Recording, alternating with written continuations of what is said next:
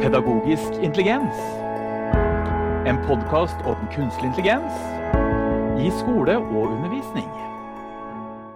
Hei på deg, og hjertelig velkommen til denne episoden av Pedagogisk intelligens. Siden sist har vi fått en ny strategi for digital kompetanse og infrastruktur i barnehage og skole. Og hvem bedre enn å få med oss Morten Søby, velkommen. Takk skal du ha. Morten Søby er en legende innenfor digitalisering i den norske skolen.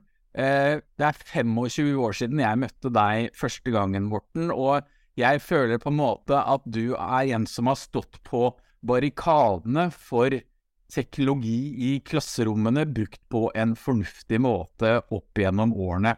For de som ikke kjenner deg fra før, Morten, kan ikke du dra en kortversjon av den imponerende CV-en din?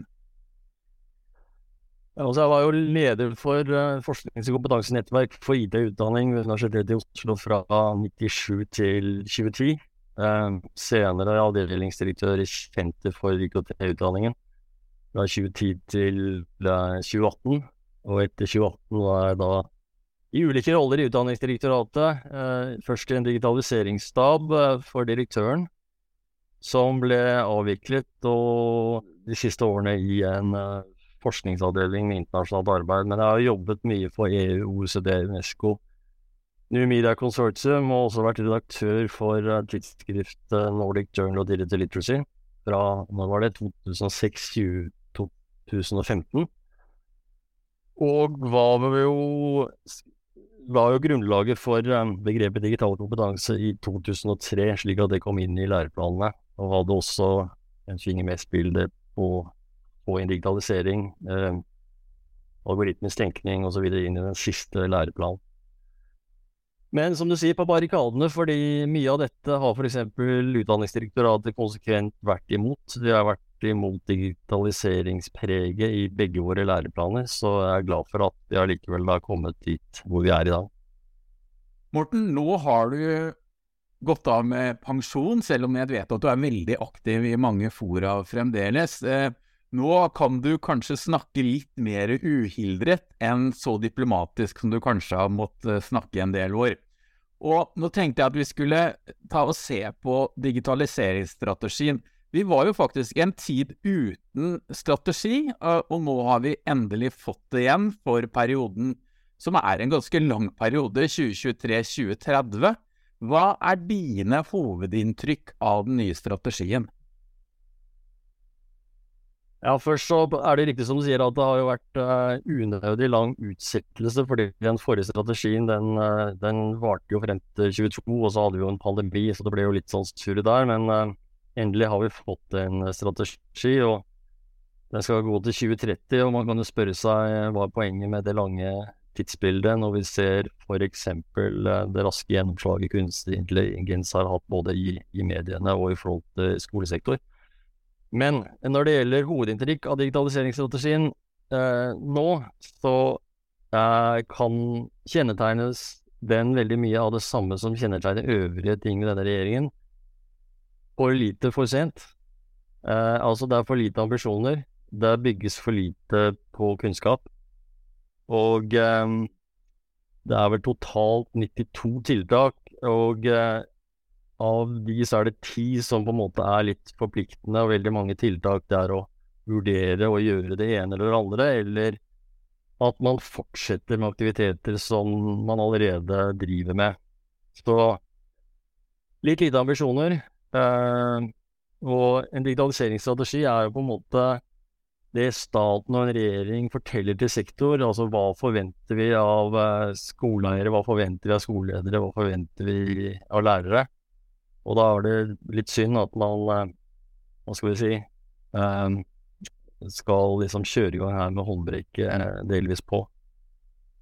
Nå kommer jo du fra, fra Udir, eh, og du har fulgt dette arbeidet inntil nylig som ansatt eh, som en av de høyeste byråkratene i Udir. Eh, Udir har laget en rekke forslag og innspill til Kunnskapsdepartementet. Føler du Kunnskapsdepartementet har eh, fulgt opp ambisjonene i forslagene som dere har kommet med fra UDIR? Nei, altså faktisk så kan man si at uh, utrolig nok så har, har Udir i sine innspill, og jeg tror for så vidt de er offentlige hvis man uh, er interessert i å grave litt mer der.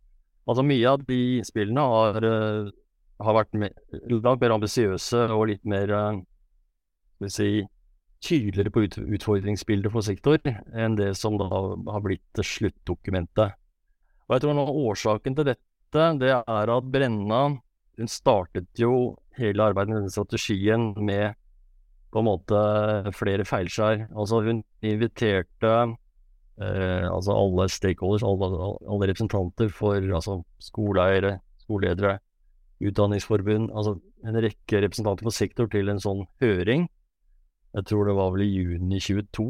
Og da startet hun eh, med å si følgende vi skal starte dette arbeidet med denne strategien med helt blanke ark. Vi vet ikke noe, og det har ikke vært planer tidligere.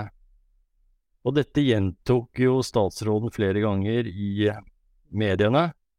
Og um, jeg syns nok på en måte Altså Når du sier til idrettsutøvere, hva tenkte du da? Nei, altså det gikk jo en lite sukk gjennom den forsamlingen uh, da dette ble sagt, og uh, Altså, daværende statssekretær Hølleland eh, grep i ordet etterpå og sa litt sånn eh, stotrende at vel, vi starter jo ikke helt med blanke ark. Altså, vi har jo holdt på med dette en god stund, og det finnes noen kunnskap og erfaringer som vi skal bygge på. Men på en måte hun, Statsråden kom vel litt skjevt ut her. Og eh, jeg syns også det er Det har også vært i statsrådens fokus altfor mye fokus på skjermbruk og skjermtid som kan være viktig, og på mange foreldremøter på mange skoler så er det jo veldig mye aktivitet rundt um, de to ordene. Og kommer det jo et eget utvalg som skal se på det. Men uh, jeg tror på en måte uh, Altså det med skjermtid, skjermbruk, har uh, er et veldig et, er et område som er veldig overordnet og generelt, og mange roter sammen da og tror at alt som foregår på en skjerm, det er underholdning og noe som ikke Altså, man, man må skille litt mellom fritid og skole her. Og jeg tror, for å være ærlig, så tror jeg kanskje flere skoleledere og lærere bør være tydeligere mot foreldre på foreldremøter at oppdragelse handler også om grensesetting, og det er ikke bare skoler som må drive med grensesetting. Foreldre må faktisk begrense og sette re regler rundt det med, med skjermtid og skjermbruk. Men uansett, altså, for å komme tilbake til det overordnet på, på strategien igjen, skal man si at uh, statsråden her har jo et embetsverk som har gjort det beste fotarbeidet de kan gjøre under de politiske si, føringene de har. Så, de, så, så statsråden reddes vel litt inn av embetsverket her. Og, um, men jeg tror ærlig talt, kan denne strategien vare til 2030? Hæ? Nei, neppe. Ja, for det er litt lenge? Ja, det er det. Og, og den ble jo, det er jo paradoksalt at den ble jo utsatt uh, av mange grunner. Men en av, en av, grunnene var jo at man kast, kastet seg inn og skulle skrive noe om kunstig intelligens her også. Fordi uh, det, det, det, var på en måte så mye i mediebildet at da måtte man ha med det også. Men uh, ja. Nei, så det er, det er litt oppsummert. Litt lite ambisjoner og litt lite kunnskap og litt for mye orientering mot skjermbruk. Men Morten, det er jo en del her du er fornøyd med. Kan du, du trekke fram de tinga som du er fornøyd med i strategien, som du føler er et skritt i riktig retning? Altså Noe av det siste jeg drev med i Utdanningsdirektoratet, var jo eh, knyttet til et eh, forskningsprogram. Grunding som så litt på den forskningen som finnes på dette feltet, og oppsummerte den. Og jeg var, også involvert i å arrangere en serie med rundebordskonferanser hvor eh, forskere og litt sånn, hva skal vi si, byråkrater møttes for å diskutere hvor står vi. Så jeg syns at, at, det er et tiltak her med at man skal starte med et forskningsprogram. Det er bra, da får vi mer kunnskap. Og det er også betydelig satsing på å revidere altså, det, det ram, det, altså rammeverket for profesjonsfaglig digital kompetanse. Og det er noe UDI driver med nå. Eh, paradoksalt er jo er et rammeverk som Senter for IKT i utdanningen utviklet i sin tid, basert på europeiske rammeverk. Og det er jo typisk at uh, Udir også var imot dette rammeverket. Nå må de selv drive og revidere det.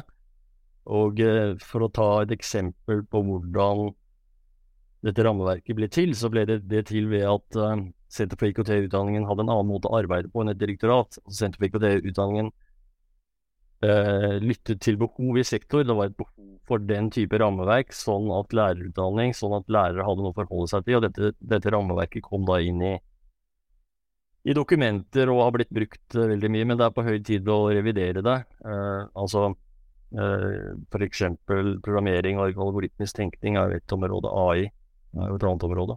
Så to gode tiltak, i hvert fall. To av, to av 92 som jeg syns er bra. Eh, jeg vil holde litt på rammeverket for profesjonsfaget digital kompetanse, for det er veldig viktig i forhold til de norske lærerne. Eh, du nevnte noen eksempler her, men hvorfor tenker du at det er viktig? Altså, Hvis du skulle revidert det, hva ville du tatt inn, og hva ville du putta ut der? Nå er jeg litt fjern fra det, da, men jeg, eh, altså, jeg tror Jeg tror hele Altså, man må jo fornye eh, Altså, man har, en, man har ganske sånn overordnet eh, definisjoner av digitale ferdigheter, digital kompetanse, som ble laget langt tilbake i tid. Og det er klart at med eh, programmering, algoritmisk tenkning, kunstig intelligens, eh, kunstig intelligens sammen med mer adaptive vurderingssystemer, så er jo det eksempelet på um, si, teknologiutvikling som på en eller annen måte må inn i et sånt uh, rammeverk. Og eh, det fins ikke der nå, så, så, det blir spennende å se om man får til det. Jeg håper, håper det skjer. Er det noen andre tiltak eh, i strategien som du vil fremheve? Ja, altså det, Tiltak én og to. Eh, det første tiltaket som nevnes, det er at regjeringen vil gi i oppdrag til Utdanningsdirektoratet å utrede hvordan etablerte systemer kan brukes metodisk i møte med endringer. Det ligner litt på tiltak som er nummer to. Gi oppdrag til Utdanningsdirektoratet å utrede en mekanisme mekanisme som skal fange opp og møte kommende endringer som påvirker skolen.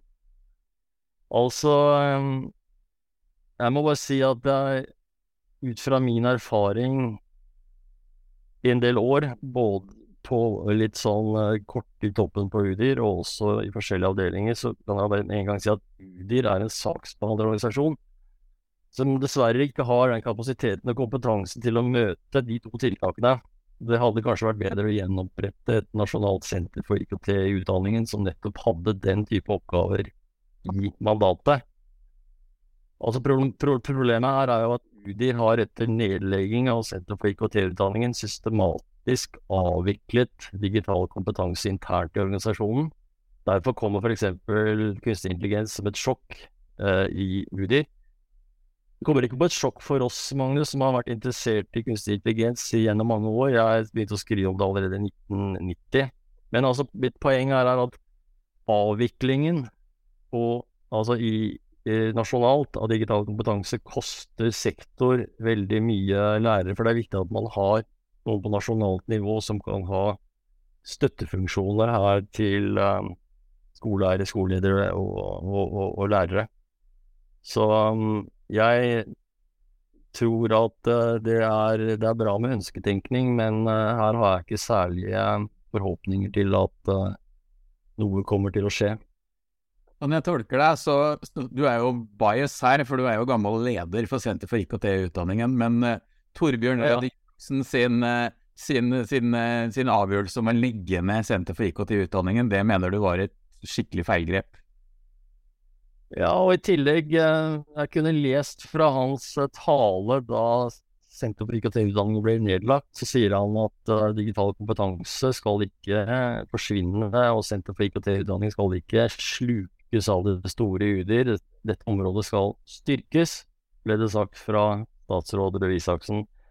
Men for eksempel så var det jo ca. 40 ansatte ved Senter for IKT-utdanningen i, i, Oslo, og det er vel kanskje fem av de igjen, og de fleste sluttet jo med en gang fordi eh, det var ikke plass til eh, de som ønsket å drive skoleutvikling og innovasjon og digitalisering. Så over, så eh, over til dette temaet som denne podkasten pleier å handle om, da. Så vi må jo ha med det også, og det er jo kanskje det som er mest i skuddet om dagen. Som du sa, så på slutten så slengte det inn en del om kunstig intelligens. Det var de vel strengt tatt nødt, nødt til å gjøre. Hva tenker du om de forslagene som er kommet i strategien i forhold til kunstig intelligens? Og det er, jo, det er jo bra at man sånn overordnet skriver en del om dette i, i strategien, sånn fordi altså, hele feltet maskinlæring, læringsanalyse algoritmer basert på kunstig intelligens skaper jo helt mye muligheter for læring, som du har snakket mye om tidligere i denne podkasten.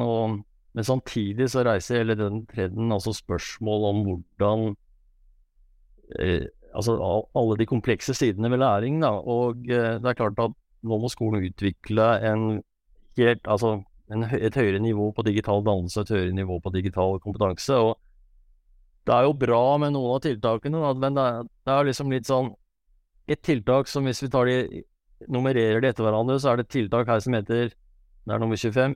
Innhente erfaringer internasjonalt med bruk av kunstig intelligens i skolen. Eh, så kan du jo si eh, Dette er vel kanskje noe man burde gjort for lengst. Altså arbeidet med å starte med å innhente kunnskap nå er jo uh, igjen litt uh, sent. Altså Problemet er at man på en måte sitter med et direktorat som ikke har denne kompetansen. Og nå har UDIL akkurat laget noen haste, en hastepakke i kunstig intelligens.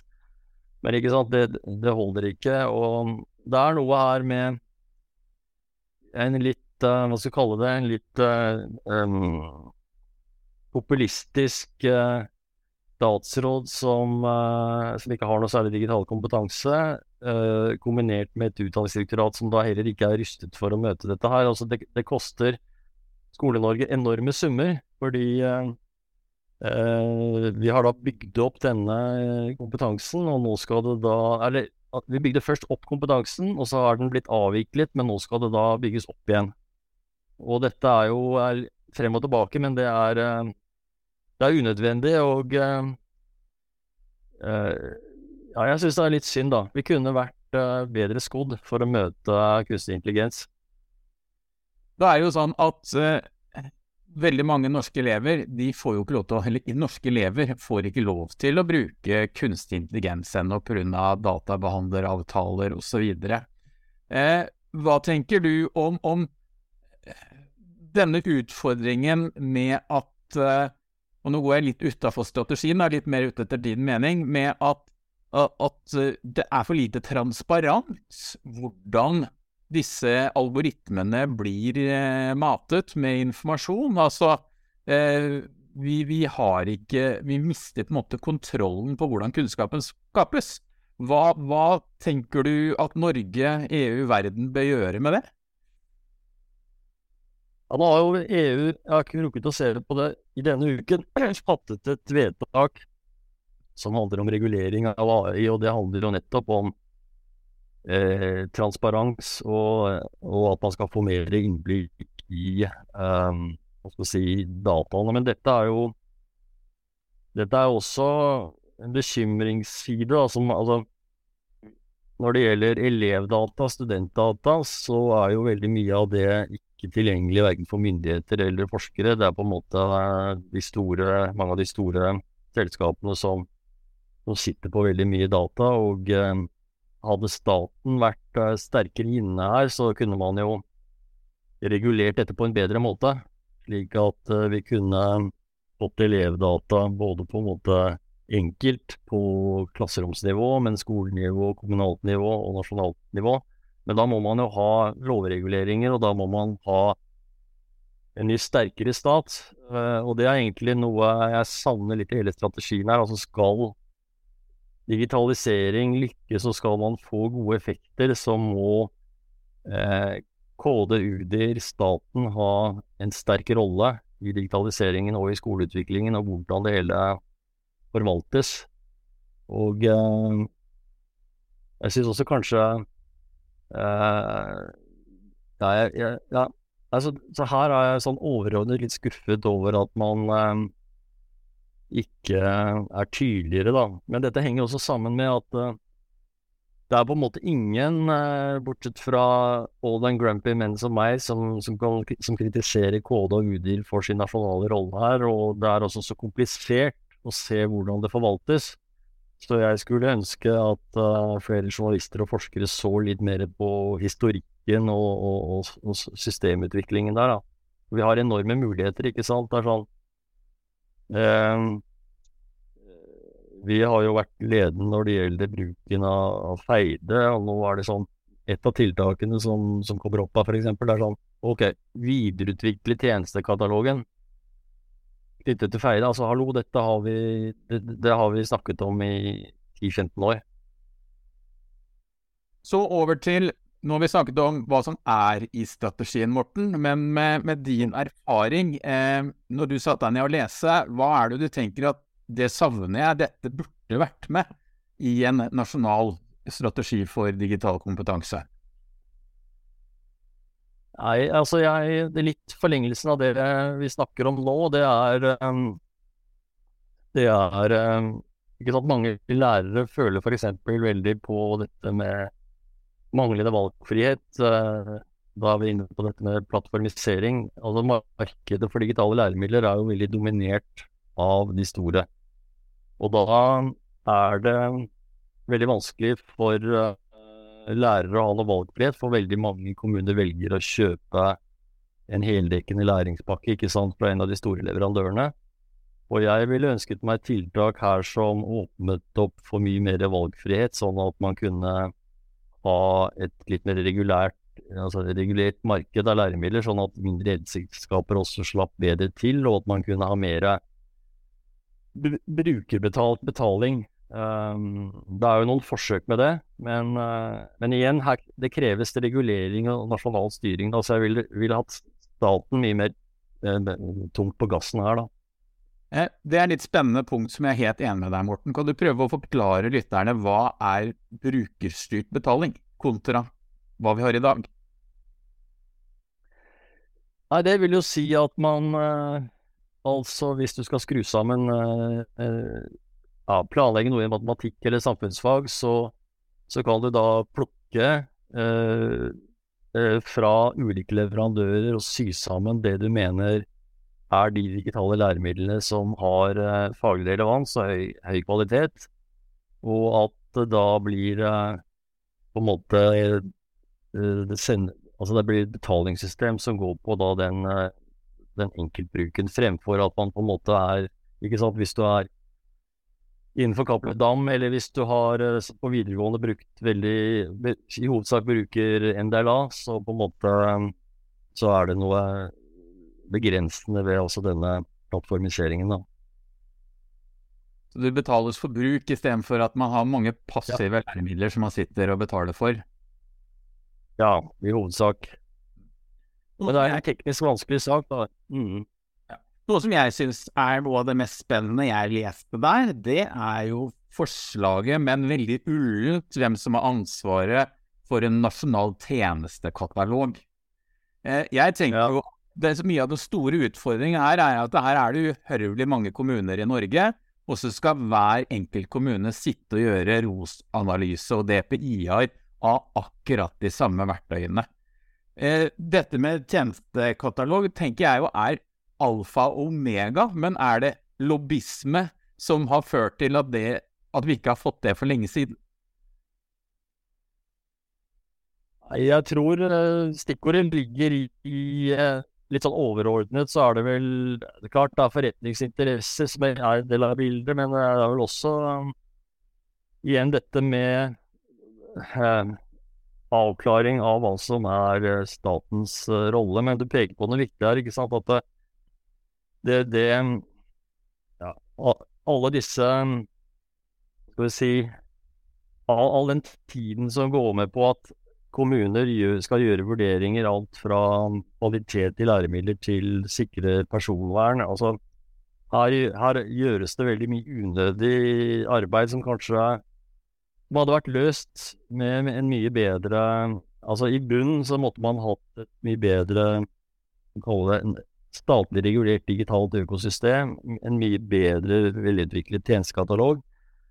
Ja, fordi uh, Ja, nei, fordi det er Du har helt rett, det er, kre, det er veldig krevende for en skoleeier å skaffe og, gjøre alle disse avtalene, ivareta informasjonssikkerhet, personvern, universell utforming. Og det er jo nok uh, Jeg hører stadig fra, fra kommuner? Det er jo nok at én person klager over at det mangler universell utforming, så stenges, eh, må en app stenges helt ned. Og i en annen kommune så er det ingen som klager over det. Og, men altså, her er det et, et, kaos, og det er behov for mye mer nasjonal støtte i dette arbeidet. For det er unødvendig at kommuner hver især skal drive og slite med dette hver eneste dag. Der er vi, der er vi helt, helt enige. Du, jeg driver jo med nettbasert og nettbasert undervisning og og, det jeg driver med, og jeg husker veldig godt jeg spurte deg til råds for en ti år siden, og da spurte jeg deg om skal jeg gå for blended learning, eller skal jeg gå for MOOC? Og da sa du til meg helt klart, Magnus, du skal gå for MOOC. Blended learning har mange gjort før deg, dette er innovasjon og nytenkende. Men når jeg leste den her, så satt jeg Pepsi Max-en min i, i, halsen når jeg leste overskriften eh, 'fjernundervisning'. Eh, nå har jo du vært lenger i gamet enn meg, Morten. For jeg vet at du holdt på med fjernundervisning tilbake på, på 80-tallet. Hva tenker du? Eh, altså, det ordet er så det er, det er, EDB for meg, på en måte. Hva, hva tenker du? Ja, det var vel det det het.